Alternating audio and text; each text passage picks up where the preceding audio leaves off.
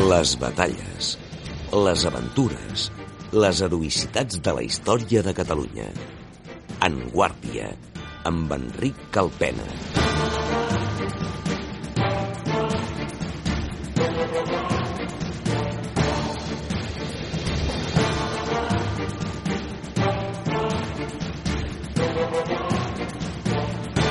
El mot bandoler originalment es referia al seguidor o partidari d'un bàndol feudal. No seria fins al segle XVIII que s'utilitzaria com a sinònim de saltejador de camins. Entre 1590 i 1640 aproximadament, Catalunya es veurà dividida en dues bandositats. En formaran part els bandolers, però també eclesiàstics, cavallers o ciutadans que intentaran estar ben representats a l'administració virregnal i judicial i aquests dos bàndols s'anomenaran nyerros uns i cadells els seus enemics.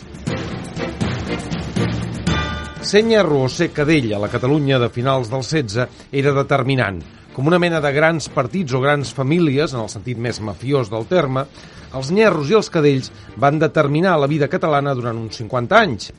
Tradicionalment s'ha considerat que els nyerros defensaven els interessos dels senyors feudals i eren propers a França, mentre que els cadells, més propers a la població de viles i ciutats, haurien estat partidaris de col·laborar amb Espanya. Però aquesta simplificació no pot explicar una realitat molt diversa i heterogènia. Les fidelitats d'una i altra facció tenien més a veure amb la tradició familiar que no pas amb un programa polític. Ser nyerro o ser cadell era prendre partit, en clara connivència amb alguns senyors. Les diferents guerres privades, antagonismes locals i conflictes socials de tota mena acaben escrivint-se a un o un altre bàndol, ja sigui a les Terres de Ponent, a la Vegueria de Vic o a la Revolta Popular de Manresa de 1640. La rivalitat només s'acabaria dissolent per fer front a un enemic encara molt més poderós, la pressió centralista de la monarquia dels Àustries.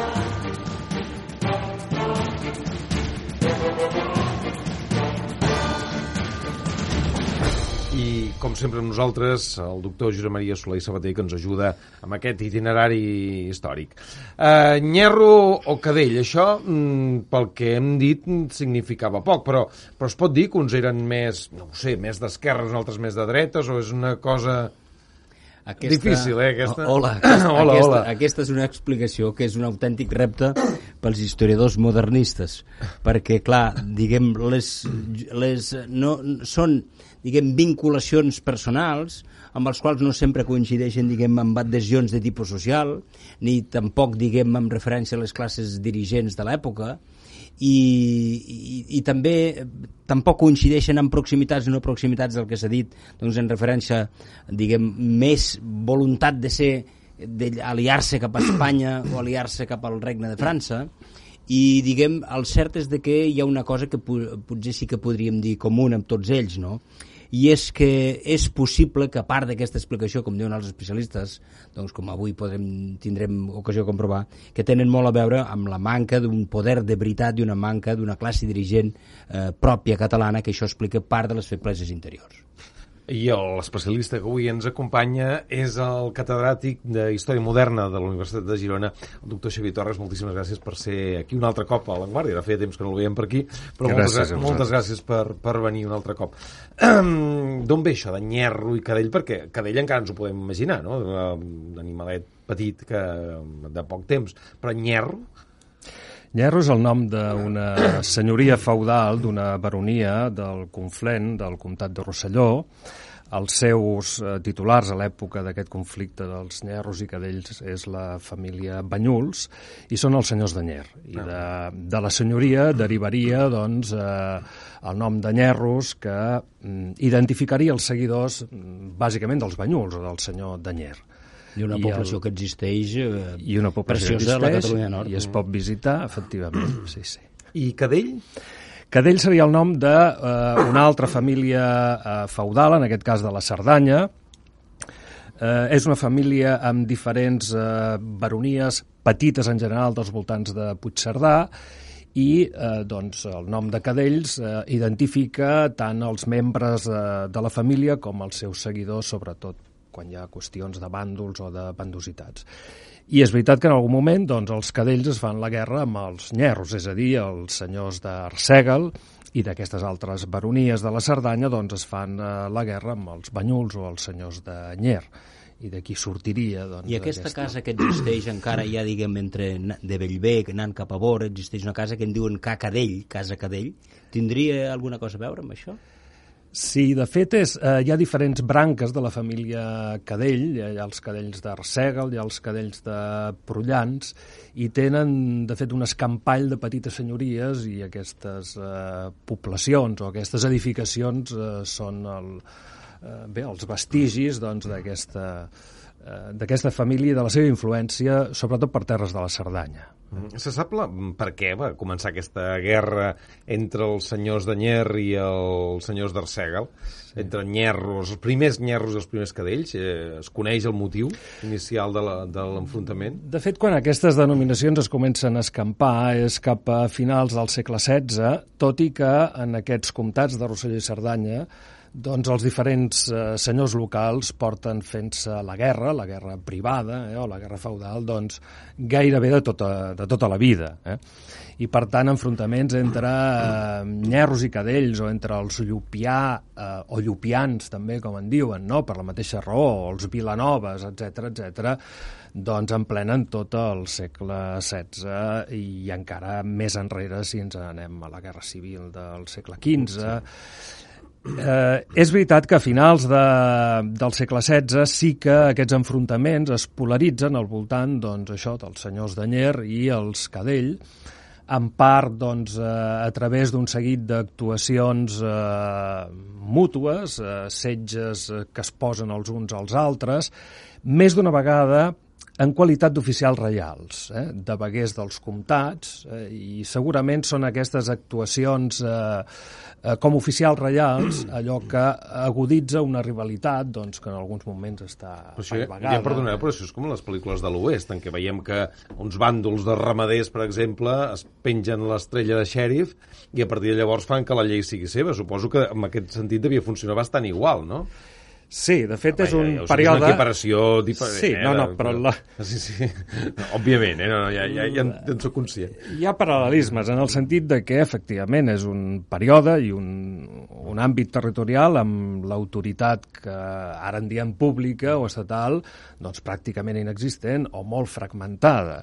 I una mica el feudalisme ja era això, ni que sigui doncs, una època, un moment en què el feudalisme pot anar una mica ja doncs, eh, eh, cap avall, però eh, efectivament en aquests eh, comtats la justícia real no hi arriba o no hi arriba sempre amb prou intensitat i els senyors locals, aquells que tenen més eh, seguidors i més força en definitiva, imposen la seva llei. Sí. Però sí, diguem, moltes eh, d'aquestes adhesions individuals sobre famílies aristocràtiques o nobiliaris vingudes a menys perquè la cort s'ha traslladat, diguem, s'ha quedat Catalunya sense cort. Mm, Per què es produeix en nyerros i cadells, diguem, Arsègal o Anyer, i no es produeix amb altres famílies molt més suntuoses, molt més importants? Estic Cardona pensant- i els Montcada, per, per exemple, que és els clàssics. anava a dir que... És, és que són els, els Sí, sí, importants. els- els importants de veritat. Sí, sí, sí. Clar, els importants de veritat eh, no són gaire el país i venen quan hi ha cors, en el cas sobretot dels Cardona, que són una mica els que han de posar ordre en el braç eh, militar. No? I han de cuidar les finques Sovint- de la sal, diguem, les mines, no? Eh, sí, però en general hi tenen això, eh, càrrecs eh, feudals, a vegades en diuen governadors, a vegades són veguers, eh, hi ha tot una, eh, un seguit de denominacions, i eh, en realitat el govern local i el govern senyorial és obra doncs, eh, de molts d'aquests eh, governadors de grans senyors, que a vegades són eh, subfeudataris d'aquests grans senyors, i que en definitiva són els que eh, encapçalen les bandositats i els bàndols i els que es barallen. Eh? Clar, els Cardona i aquests, eh, aquestes poques grans famílies en realitat tenen interessos fora de Catalunya, s'hi estan la major part del temps i, de fet, aquesta noblesa bandolera és la, és la noblesa de la terra, és, el, és la que hi ha. Eh? I, per tant, és més lògic que els conflictes siguin entre aquesta noblesa de segona fila, si es vol, o de segon ordre, eh? que no pas els grans títols absentistes per definició. O sigui, el concepte, diguem, de justícia no hi és present, sinó seria el concepte de més autoritat i més força, el que s'acaba imposant. Sí, hi ha alguna cosa que eh, s'acosta a la idea de justícia feudal, que és això de la, del dret a prendre revenja en determinats supòsits o el dret a practicar eh, el que se'n diu eh, modernament la guerra privada, o fins i tot, ja que parlem de senyors feudals, doncs les famoses hosti cavalcades, eh, que era una d'aquestes prestacions feudals que els senyors exigien als seus pagesos i que bàsicament consistien en demanar-los el suport eh, militar, armat, per guerrejar contra uns altres senyors, eh? a vegades també doncs, contra algunes altres poblacions o, o fins i tot contra els oficials reials. Però, però hem d'imaginar, per tant, una violència bastant poc organitzada, perquè eh, suposo que, que aquests senyors feudals devien tenir un grup relativament reduït d'homes d'armes, de gent més o menys experimentada, de soldats, que diríem ara, eh, però si havien de recórrer pagesos, no m'imagino jo un pagès molt ensinistrat eh, ni un pagès ni un menestral, eh, molt ensinistrat en portar determinades armes o en, en utilitzar una espasa d'una manera, diguéssim, correcta, si és que hi ha una manera correcta d'utilitzar l'espasa, no? Eh, eh, suposo que devia ser bastant una, una invasió i uns xocs brutals, però, però poc organitzats, m'imagino, eh? no ho sé. Clar, aquesta, no. aquesta és una societat que, com que mm, pròpiament no hi ha estat, o això que modernament en diem el monopoli de la violència, sí, sí Eh, esclar, la violència mateixa i, i, i els instruments d'aquesta violència, les armes, estan molt escampades. És a dir, els pagesos tenen, i no solament tenen, sinó que han de tenir, eh, forçosament, legalment, diríem ara, armes i eh, assajar-ne el seu ús, ni que sigui per quan els criden a sometent no, per perseguir malfactors les autoritats reials. Eh? Sí que és veritat que aviat, eh, ben aviat, eh, entre senyors garrejants i simples pagesos, doncs sortirà aquesta categoria intermèdia, que és això que en diem els bandolers, no? els lacais o els mainaders feudals. No? Gent sortida, a vegades, doncs, això de de les masies, cavalers de, de masies dels voltants i que eh, doncs, en aquest context es posen s'especialitzen en l'ofici de, de les armes i el servei d'un senyor o un altre. Es passaven d'uns grups amb uns altres o era un fet més aviat rar, no? Les Sembla ser un fet, eh, un fet rar perquè no n'hi ha massa constància i probablement es tracta d'aquestes fidelitats, a vegades de caràcter feudal o mm, de caràcter familiar, i moltes vegades totes dues coses alhora, que eh, encara que han deixat molt poc rastre escrit eh, i que no era pròpiament un contracte, doncs eh, a la pràctica potser eren fidelitats eh, més efectives o menys vulnerables que les, que les contractuals. Eh? Però sí, normalment el bandoler que comença sent nyerro acaba sent nyerro i els seguidors o les famílies que són d'un bàndol eh, mantenen aquesta fidelitat al bàndol almenys mentre dura, perquè s'ha de dir també que els bàndols, eh, de fet, no és una situació permanent. Eh? El bàndol és sinònim de conflicte o d'un seguit de conflictes. Si aquest conflicte s'acaba, doncs el bàndol o, o es disgrega o s'apaivaga... O sigui, no hem de considerar que qui neix nyerro eh, fa militància de ser nyerro tota la seva vida, sinó que només es mostra com a nyerro en circumstàncies determinades i les altres no, no té cap mena d'interès en fer-ho. M'imagino. Sí, podem imaginar-ho, sí. sí. Eh, és a dir, no, no podem saber què passava quan no hi havia conflicte perquè normalment aleshores això no, ah. no apareix a la documentació. No? Esclar, mm. Nosaltres els trobem quan realment es declaren, nosaltres vull dir els historiadors, sí. no? Mm. els trobem als arxius quan realment actuen eh, de manera militant, anem a dir, mm. com a nyerros o com a cadells. No? i sovint perseguits per unes autoritats reials que a vegades fan costat amb uns, a vegades amb uns altres. Però nosaltres trobem de vegades, el, ara ho comentava l'Enric, no? Guels i gibelins amb els quals hi ha la possibilitat, diguem, de que l'amor, eh, de que el, el, el matrimoniar-se, de que l'unir les famílies, les tensions disminueixen. Eh, succeïa això amb aquesta cinquantena d'anys? Succeeix. De fet, la manera més fàcil d'acabar amb aquestes bandositats feudals és fer entroncar eh, familiarment les parts en conflicte. Aquesta és la solució, fins i tot des del punt de vista de les autoritats, la menys onerosa. Eh? I, però és veritat que... Sí, l'amor ho arreglava, diguem. Sí, o ho desarreglava, perquè clar. molts d'aquests conflictes han començat clar, clar, per un malentès. com, sí. com Romeu i Julieta, Sí, o, en sí, fi, sí. eh, o una rivalitat fins i tot de, a més petita escala a Vic a finals del segle XVI això de Nyarros i Cadells comença o sembla començar perquè els orígens són molt confosos a través justament del casament d'una pubilla una pubilla que es diu Fullona, de Tagamanent, i Home, que és No pretesa... m'estranya que provoqués allò molt conflicte, sí.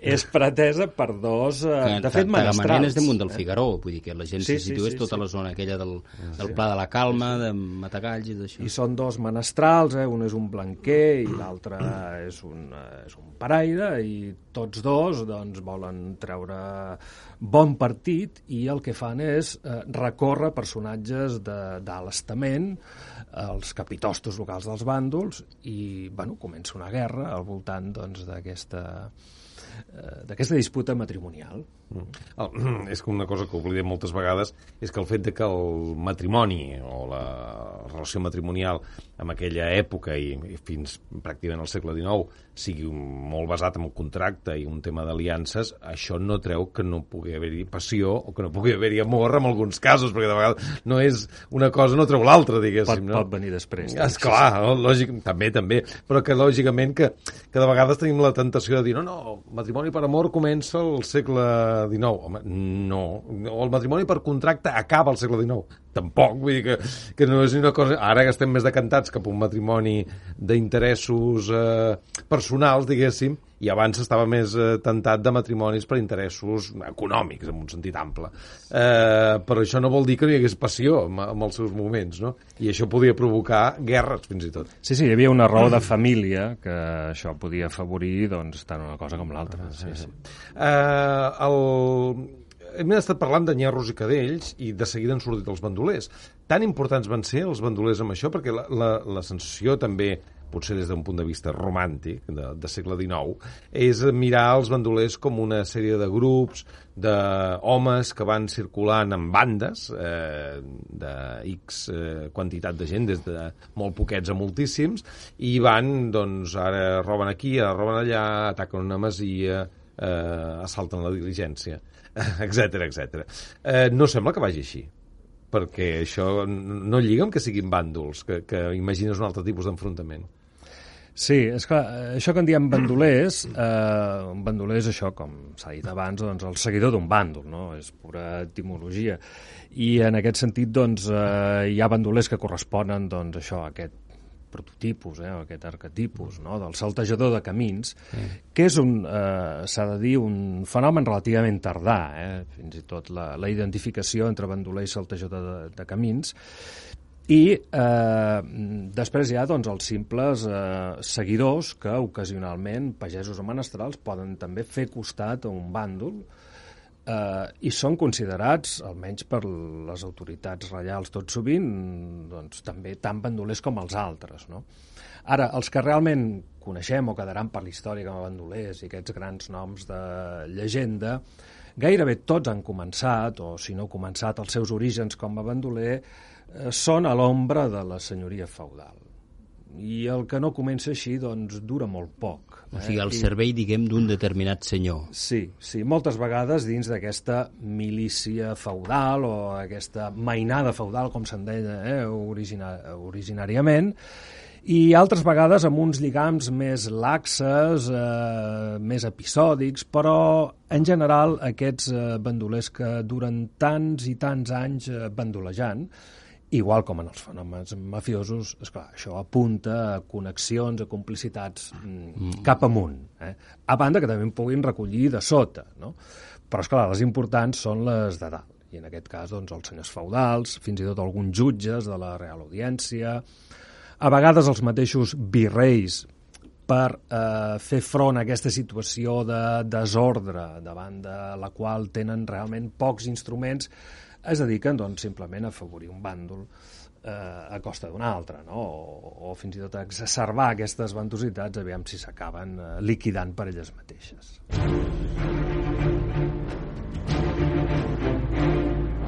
Alguns autors han volgut rastrejar l'origen de nyerros i cadells fins al segle XIII, vinculats a la repressió dels càtars o a l'enfrontament dels Montcada amb el bisbat de Vic, però no s'ha pogut demostrar l'existència més enllà del segle XVI. Joan Amades recull la llegenda que explica el naixement mític de dues nissagues cridades a fer grans coses. La dama del castell d'Anyer i la de la Torre d'Arança, a Vallvé de Cerdanya, eren germanes, i totes dues estaven en estat. Heus així que hi havia també dues germanes molt pobres que vivien de la capta, totes dues gràvides al mateix temps que les senyores.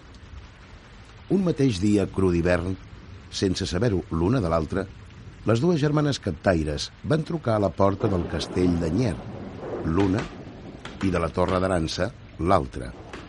Les dues dames, en veure l'estat de les pidolaires, els varen dir que si no tenien per menjar i havien de captar, no havien de posar fills al món.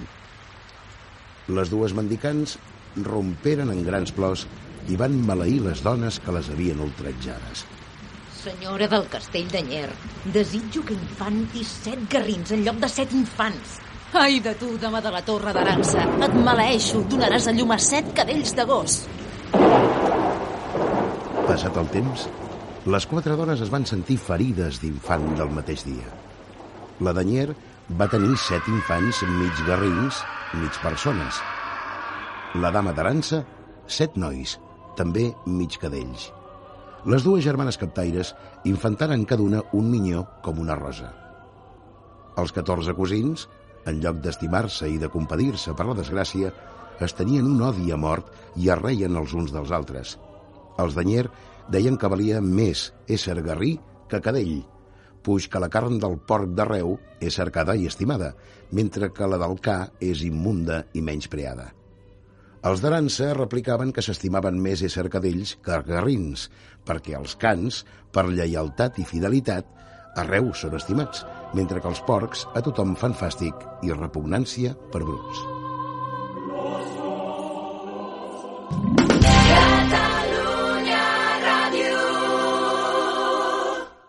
En Guàrdia.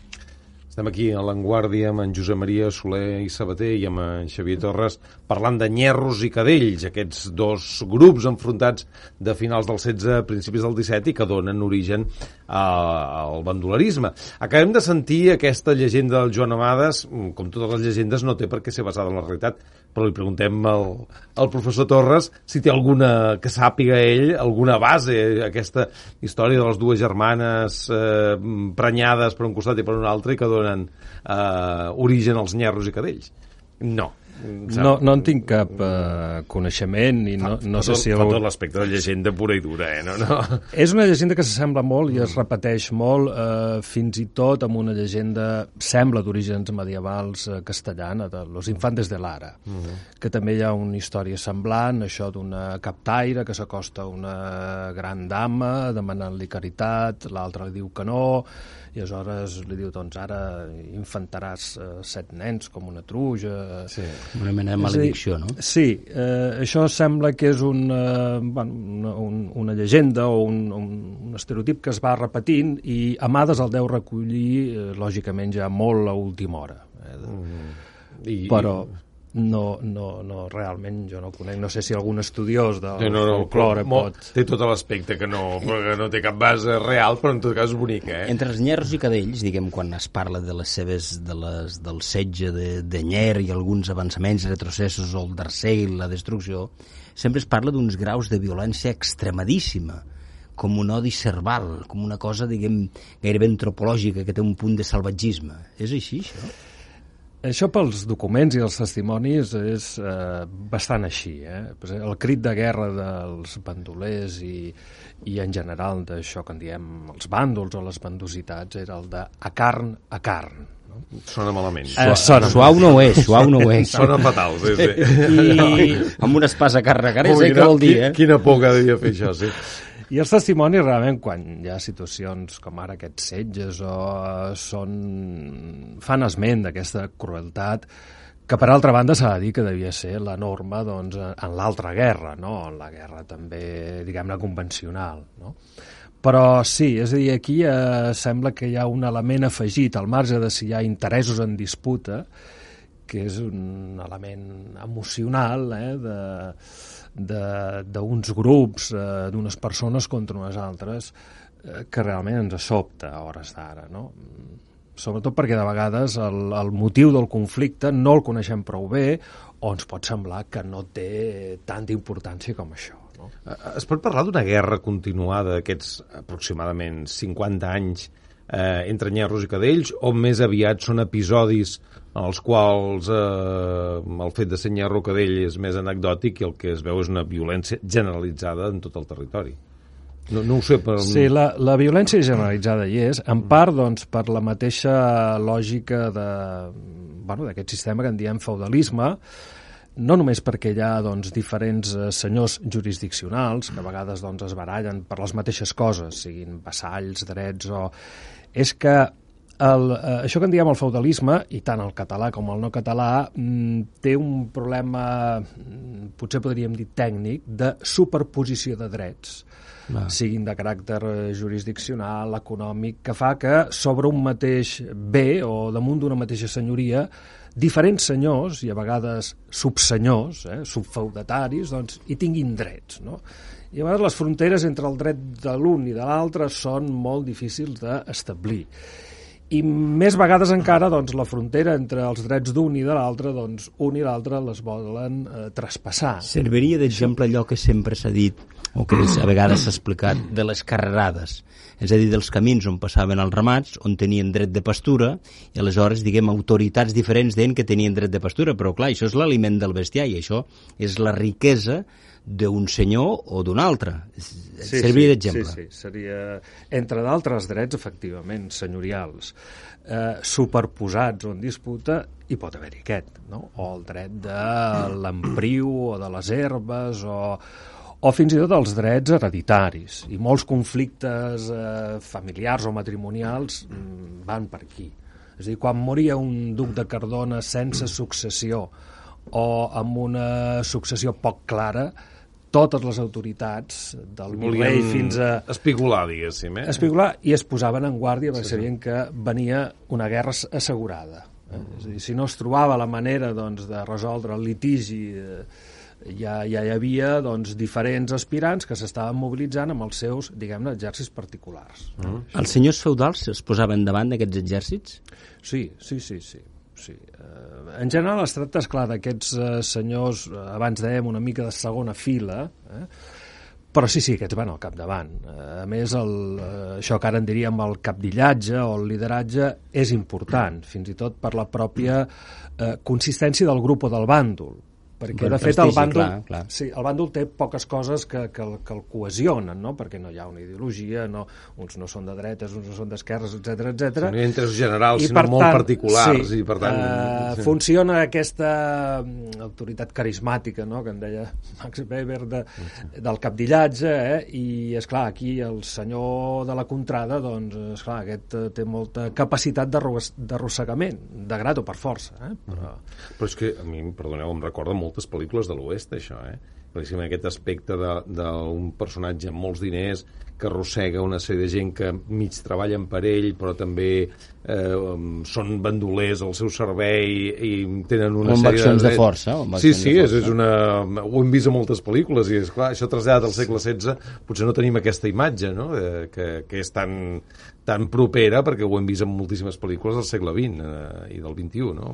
Sí, sí, el problema eh, de fons és sempre el mateix. Quan no hi ha doncs, una autoritat eh, prou forta doncs, per, per posar una mica d'ordre a tot arreu, i és clar això eh, home, en el segle XVI, en el segle XVII, doncs, eh, a l'època i a la societat hi ha aspectes més constructius, eh, que aquest que estem esmentant. Però, segur, segur, segur. Però, sí, és clar, això és un tret eh, peculiar, eh, fins i tot necessari del període, que a més a més no és exclusiu de Catalunya, no? Eh, si de cas, mm, aquesta situació, caldria dir que no és excepcional. L'excepció és la contrària, no?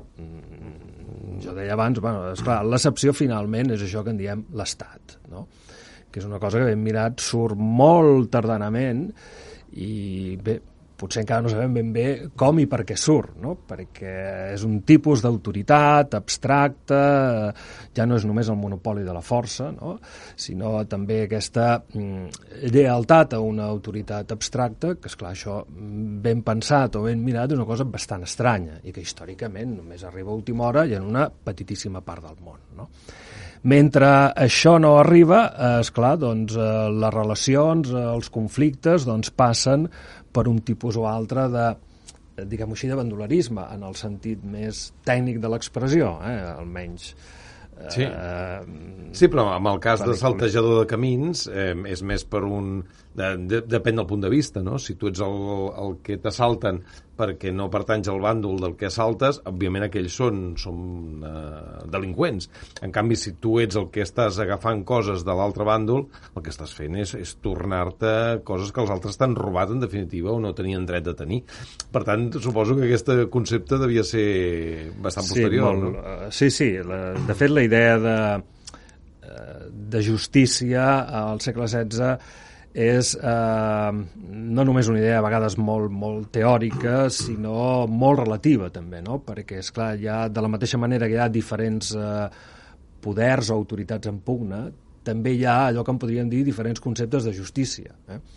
El senyor feudal que creu que ha de cobrar eh, un peatge perquè el bestiar passi per no sé on, bé, eh, es considera en el seu dret, no? I si és defraudat en aquest dret, doncs eh, aprendre la represàlia corresponent. I, però, és clar, això pel que ha de pagar o pel que havia de transitar per allà, doncs, efectivament, li devia, no, no hi devia estar-hi eh, massa d'acord. Eh? És una sensació, diguem, que denota una manca d'autoritat mm, regulada i respectada per tothom, el conflicte de nyerros i cadells. Sí, perquè realment, eh, esclar, l'autoritat reial, a la Catalunya del període i també en d'altres llocs. La reial, la popular, diguem, eh? la, la, la que jurisdicció de, del monarca, del virrei. Sí, sí. Eh, malgrat que de vegades, doncs, la, retrospectivament hem fet eh, un gramassa, realment els virreis del Principat, per exemple, mm, massa marge de maniobra, o fins i tot massa poder, no el tenien. Eh? Molts d'aquests senyors bandolers tenien més efectius armats que no pas el propi virrei. Així és difícil manar. Sí, clar. Eh, bueno, hi havia una manera de fer-ho, i ho fan aquí, i ho fan a tot arreu, que és això, doncs, arrepenjar-te en un bàndol, habitualment el més feble, no? perquè si ho fas en el gros et cruspeix, sí. i eh, a través doncs, de, això d'una de les faccions en lluita mirar doncs, de rebaixar el poder de l'altre. És clar, això feien moltes vegades a l'autoritat reial, potser més efectiva, però als ulls de molts eh, més parcial, no? perquè s'identificava amb un dels bàndols en pugna, no? i per tant amb una de les parts en conflicte. No? Però realment eh, és l'única manera doncs, que la justícia reial eh, pot mirar d'intervenir eh, i de eh, temperar o moderar una mica aquesta violència que si no s'escapa per tots eh, costats.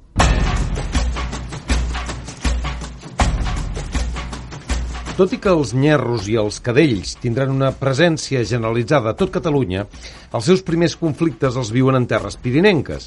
Una d'aquestes zones era el Vescomtat de Castellbó, unió jurisdiccional de l'Urgell i la Cerdanya. A començaments de 1592, el nou governador del Vescomtat, alemany de Tragó, descriu al virrei l'estat d'un territori especialment agitat. En meitat del Vescomtat estaven allotjats 200 bandolers, i amb ells Cadell, Felip de Caral i Averó, amb altres capdells i capitans. I en el robar i les ballaqueries, després que el món camina, no s'han sentit més grans desvergonyiments. Sembla que gaudeixen de la complicitat de l'antic governador, Lluís de Grabolosa, que ha fet tot el possible per destorbar la meva presa de possessió. Molts jorns fa que ve amb requestes als cònsuls d'aquí dient-los que no deixarà de governar ni lliurarà el castell per més privilegis que vinguin. També des del veí comtat de Foix arriben amenaces semblants. Es parla d'una possible aliança entre cadells i fuixencs, que fugen els homes dels llocs i deixen les cases i heretats sense cultivar-les.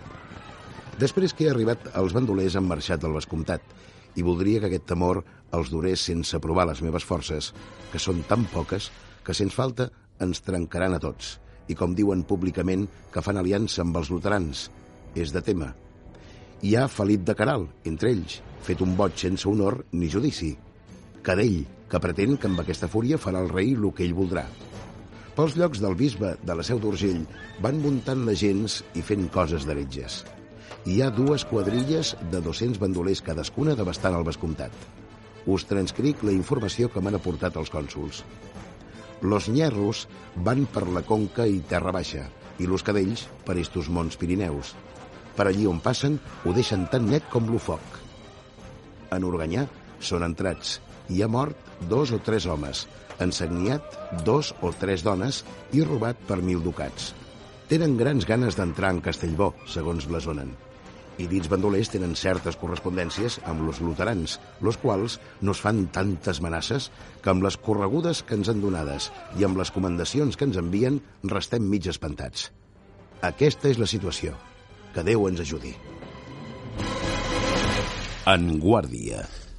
La descripció que fa en Tragó, eh, professor Torres, és eh, sorprenent, no? Perquè parla de, per exemple, té molta por de que arribin els luterans, que feien els luterans aquí enmig, no? Allò, estem parlant de, de finals del segle XVI i em sembla que, que els governs dels Àustries gaires luterans no en deixaven. La Inquisició estava en un moment especialment intens. I estava a la White, eh? Estava Sí, a la sí. White, sí. Sí, eh, és veritat que la, la frontera pirinenca eh, el problema de eh, els, els possibles luterans o hugonots, com els hi deien, és un problema que amoïna molt algunes autoritats locals i sobretot a, les, eh, a la cort. Eh? I moltes vegades eh, es parla de que aquests eh, bandolers catalans haurien fet doncs, eh, eh, una mena d'aliança, alguns deien contra natura, amb aquests eh, protestants de, de les terres del Llenguadoc. Eh, aquesta és una altra de les idees que circula en part perquè la pròpia documentació de l'època ho indueix al voltant d'aquests bandolers catalans bastant errònia, perquè realment aquests immigrants francesos que travessaven, sobretot a la segona meitat del segle XVI, la frontera, molts no tenien doncs, eh, en absolut cap mena de, de, de connexions bandoleres, sinó que tot sovint eren eh, catòlics o mm, individus originaris de poblacions catòliques devastades per les guerres de religió franceses i sobretot doncs, per eh, els efectius protestants. Eh? O la, és a dir que mm, bueno, es produeix aquesta, aquesta situació que a vegades es fa jugar una mica interessadament, és a dir, per alertar les autoritats o per mirar de confondre les autoritats o de que vagin contra un bàndol i no contra el meu, es diu, bueno, és que aquests eh, tenen, eh, fan lliga amb els luterans, no? amb els hugonots. Pot ser veritat, eh, pot ser no, tampoc tenim massa manera de saber-ho, no? de verificar aquests eh, testimonis, però, és clar era un argument eh, relativament convincent per la proximitat eh, geogràfica, no? i sobretot per aquesta obsessió de, del I- contagi I, I protestant. potser també per la frontera, que és territori diguem, on hi ha llavors que aquí poden sorgir diguem, una gran porositat de moviments, de proteccions, de lloc que et pots, protege, eh, que et pots eh, salvar, que et pots isolar si et persegueixen i pots trobar tota mena, diguem, de... Sí, sí aquest, aquest és un altre aspecte i aquest sí, ben documentat. Perquè és dir, sobretot es, es parla molt, diguem, a tot el territori del Pirineu, no? La presència Sí. constant de, de sí, sí. i cadells. I hi ha bandolers catalans doncs, que fan estades periòdiques, eh, hivernen, es pot dir, eh, Sí, més sí, enllà de la sí, frontera, sí, sí. i tenen, com en diem ara, doncs, els seus santuaris. I hi ha llocs, eh, hi ha un canaló, que és la Vall de Carol, que és una Mm. de les rutes de fugida habitual, i després hi ha zones, la Vall de l'Arieja, el comtat de Foix, i que estan plenes de... Bueno, hi ha un trànsit hi havia un trànsit allà de bandolers realment eh, estacional, probablement, eh? a, la, a la primavera tornaven a entrar, doncs eh, bastant intens. Clar, i també que... hem de pensar, diguem, en les comunicacions de l'època, que eren inexistents i que només hi ha que camins, diguem... Camins de, naturals, diguem. Camins Sí, sí, naturals sí, i sí, camins, sí, sí. diguem, de, de, de, en fi, de bastaix, d'una sola persona com a molt que passa per I, allà. I hem de recordar, un altre. hem de recordar també que en aquest moment la frontera, Catalunya encara no ha estat mutilada, diguéssim. No hi ha hagut el Tractat dels Pirineus, encara falten uns anys, i per tant eh, Catalunya també abarca el que serà el Rosselló la Cerdanya, el Conflent, Sí, diguéssim, per, tota per la això, Catalunya nord. exacte, Sí, per sí, això és són- el que són- lliu de la vall del Carol legis, sí, sí, i sí. de la vall del, sí, diguem, per de, de... Quin altre has dit? La del Carol i de, la, de, La de l'Arieja. Eh, Clar, tot això va cap a l'Arieja, que Sí. diguem que... Jo en dic frontera pirinenca, però esclar, Eh. de fet són les Corberes més que Eh, els eh, Pirineus, eh? eh, justament sí, sí, perquè fins al 1659, Sí, sí. esclar, això és De, de, aquests bàndols, de quanta gent podien eh, moure amb, una, amb un enfrontament? Perquè m'imagino que els enfrontaments eren relativament locals. Era els del poble d'un costat, que eren Nyerro, contra el del poble o pobles de l'altra banda del riu, que eren cadells. I, per tant, no sospito que no devien moure gaire gent perquè tampoc hi havia ha- tanta gent. Sí, hi ha algunes excepcions, sobretot en les grans, eh, diguem-ho així, jornades eh, del bandolerisme. Cas dels setges de fortaleses o castells, eh, sigui el dels cadells, sigui els dels banyuls o senyors de Nyer, que aquí, com que es tracta realment d'operacions, en podem dir tranquil·lament militars, eh, amb el Pobles suport... d'Arsèguel o, o, de- o de Nyer, eh? Eh, Sí, però és Sí, que sí. aquí es mobilitza per part de les, de les autoritats reials, des dels sometents, i cadascuna doncs, de les parts mobilitza els seus efectius, i, home, són centenars, poden arribar a ser centenars de persones, eh? També en el cas, a vegades, d'algunes d'aquestes baralles que es produeixen eh, entre quadrilles que es persegueixen les unes a les altres i que una quadrilla es fa forta en una població d'una certa importància. Bé, doncs el setge d'aquestes poblacions, una vegada més, eh, sigui a través dels sometents, sigui perquè cada eh, quadrilla o cada bàndol crida els seus partidaris, eh, això arriba fàcilment als centenars, eh? 700-800 persones es diu que hi havia al voltant d'un d'aquests setges de Nyer, dels dos que pateix a final Però, però mobilitzar això devia ser caríssim. En, en termes d'època, logísticament... Sí. Eh, pensem com una Catalunya que no té res a veure amb quantitat de gent. No sé quanta gent hi devia viure en aquells moments a Catalunya, però sospito que no devia arribar al mig milió, aproximadament. Sí, és la xifra, sí, més o menys, sí. Més o menys. Sí, sí. Per tant, diguéssim, estem parlant de xifres molt importants de, de gent, perquè, és clar, si multipliquéssim, ara estem això, aproximadament amb els 7 milions i mig, per dir alguna, alguna cosa, vol dir que és 14 vegades haurien de multiplicar 7 per 10, 7.000, estem parlant d'unes 10.000 persones actuals, diguéssim, déu-n'hi-do una mobilització així, eh? per la comparació Sí, sí, demogràfica, eh, no devia ser fàcil mantenir aquesta gent. No és fàcil. Hi ha el sometent, que és clar, eh, al començament és fàcil, diguéssim, l'autoritat reial, el veguer local, crida sometent i tothom ha de seguir, quan es tracta d'un sometent eh, que en diuen general o universal, no? I ha de seguir els dies que duri, doncs, eh, el setge. Per altra banda, hi havia els senyors feudals que feien exactament el mateix, mobilitzaven els seus vassalls. Eh? Això se'n diu col·lectes? Pagesos. Eren les col·lectes? Sí. Bueno, les col·lectes són eh, districtes eh, que no coincideixen exactament en les vegueries i tenen mm, una connotació essencialment fiscal. Eh, la- Les col·lectes serien la, els districtes de la Catalunya del període efectes fiscals, perquè la Generalitat hi cobri els seus impostos, i llavors a cada col·lecta hi havia una capital i una taula que se'n deia, no? i les duanes corresponents. I la vegueria era més la jurisdicció, diguem-ne, reial, eh, tendien a coincidir una i altra, eh, fins i tot per raons eh, orogràfiques o territorials, però són dues eh, xarxes diferents. Perquè, clar, és un país la- molt trencat, i el ser un país Sí, molt trencat sí. explica des de les formes dialectals i els accents fins i tot els grups de- d'una certa... que es poden moure en un territori més segurs que en un altre.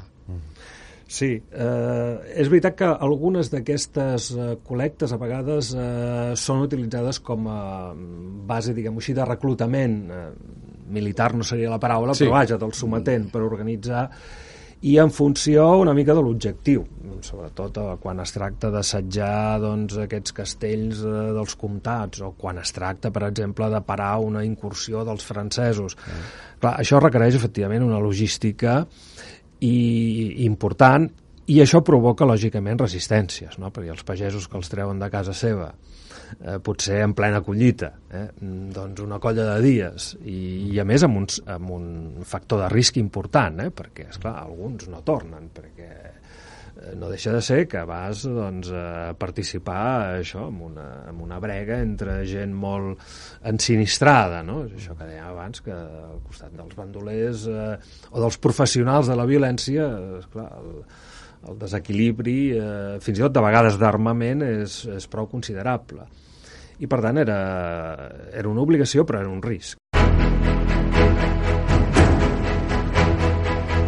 Les parcialitats també arribaven a la Reial Audiència. Alguns dels jutges que en formaven part, consellers del virrei, eren persones de clara obediència als nyerros o als cadells, oberts al suborn i les corrupteles. Un jutge clarament parcial va ser Rafael Rubí, natural de Puigcerdà, que s'havia incorporat a l'audiència el 1605. El 1614, el Consell d'Aragó deliberava sobre aquest personatge.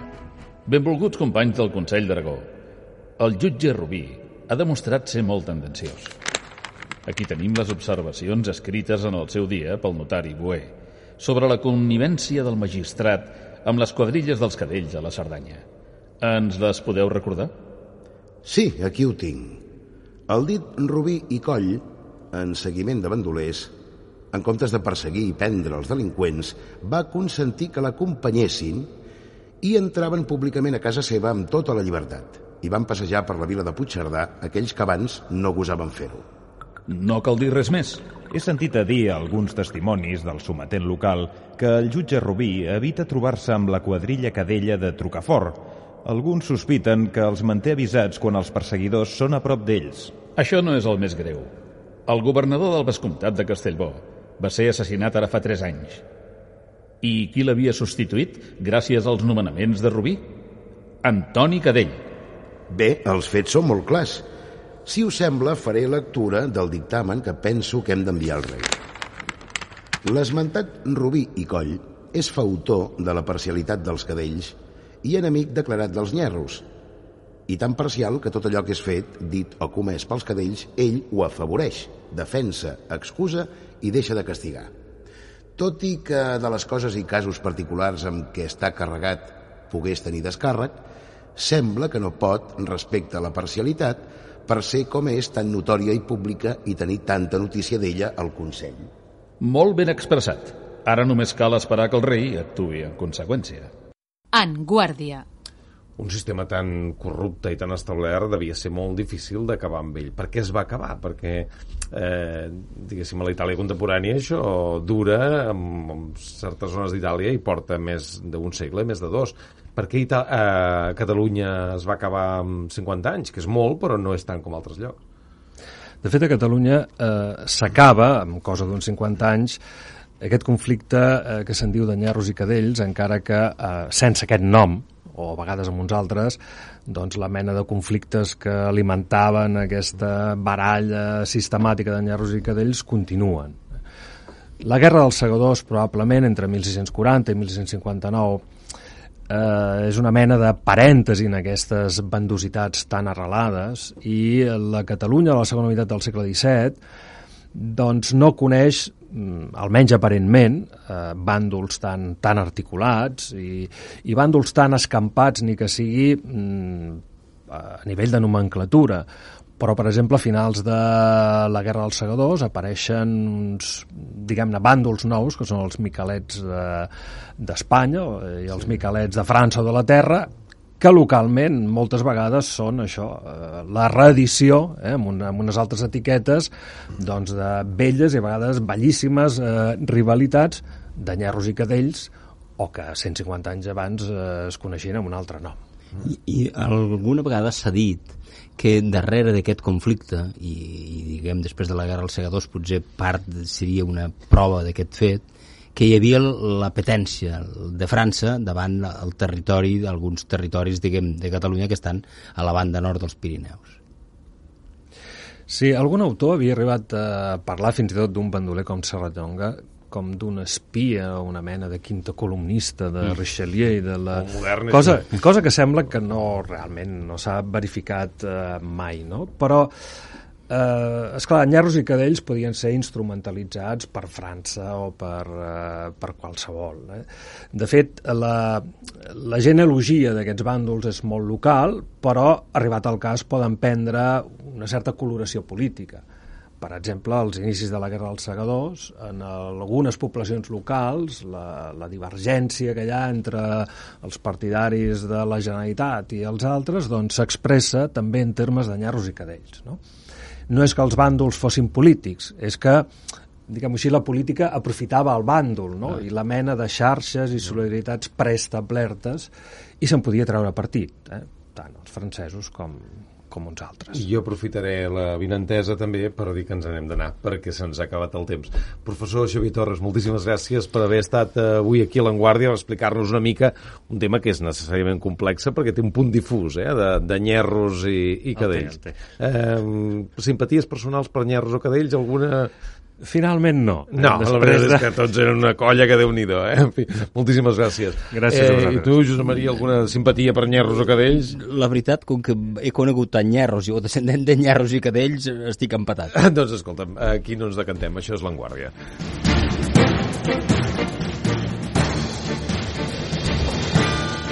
Direcció i realització Enric Calpena. Assessorament històric Josep Maria Soler i Sabater. Guió Josep Maria Bunyol. Producció Pilar Raskin. Tècnic de so Gerard López. Amb les veus de Joan Anton Ramoneda, Bet Verdagí, Clara Borrell, Jaume Cardús i Gerard López.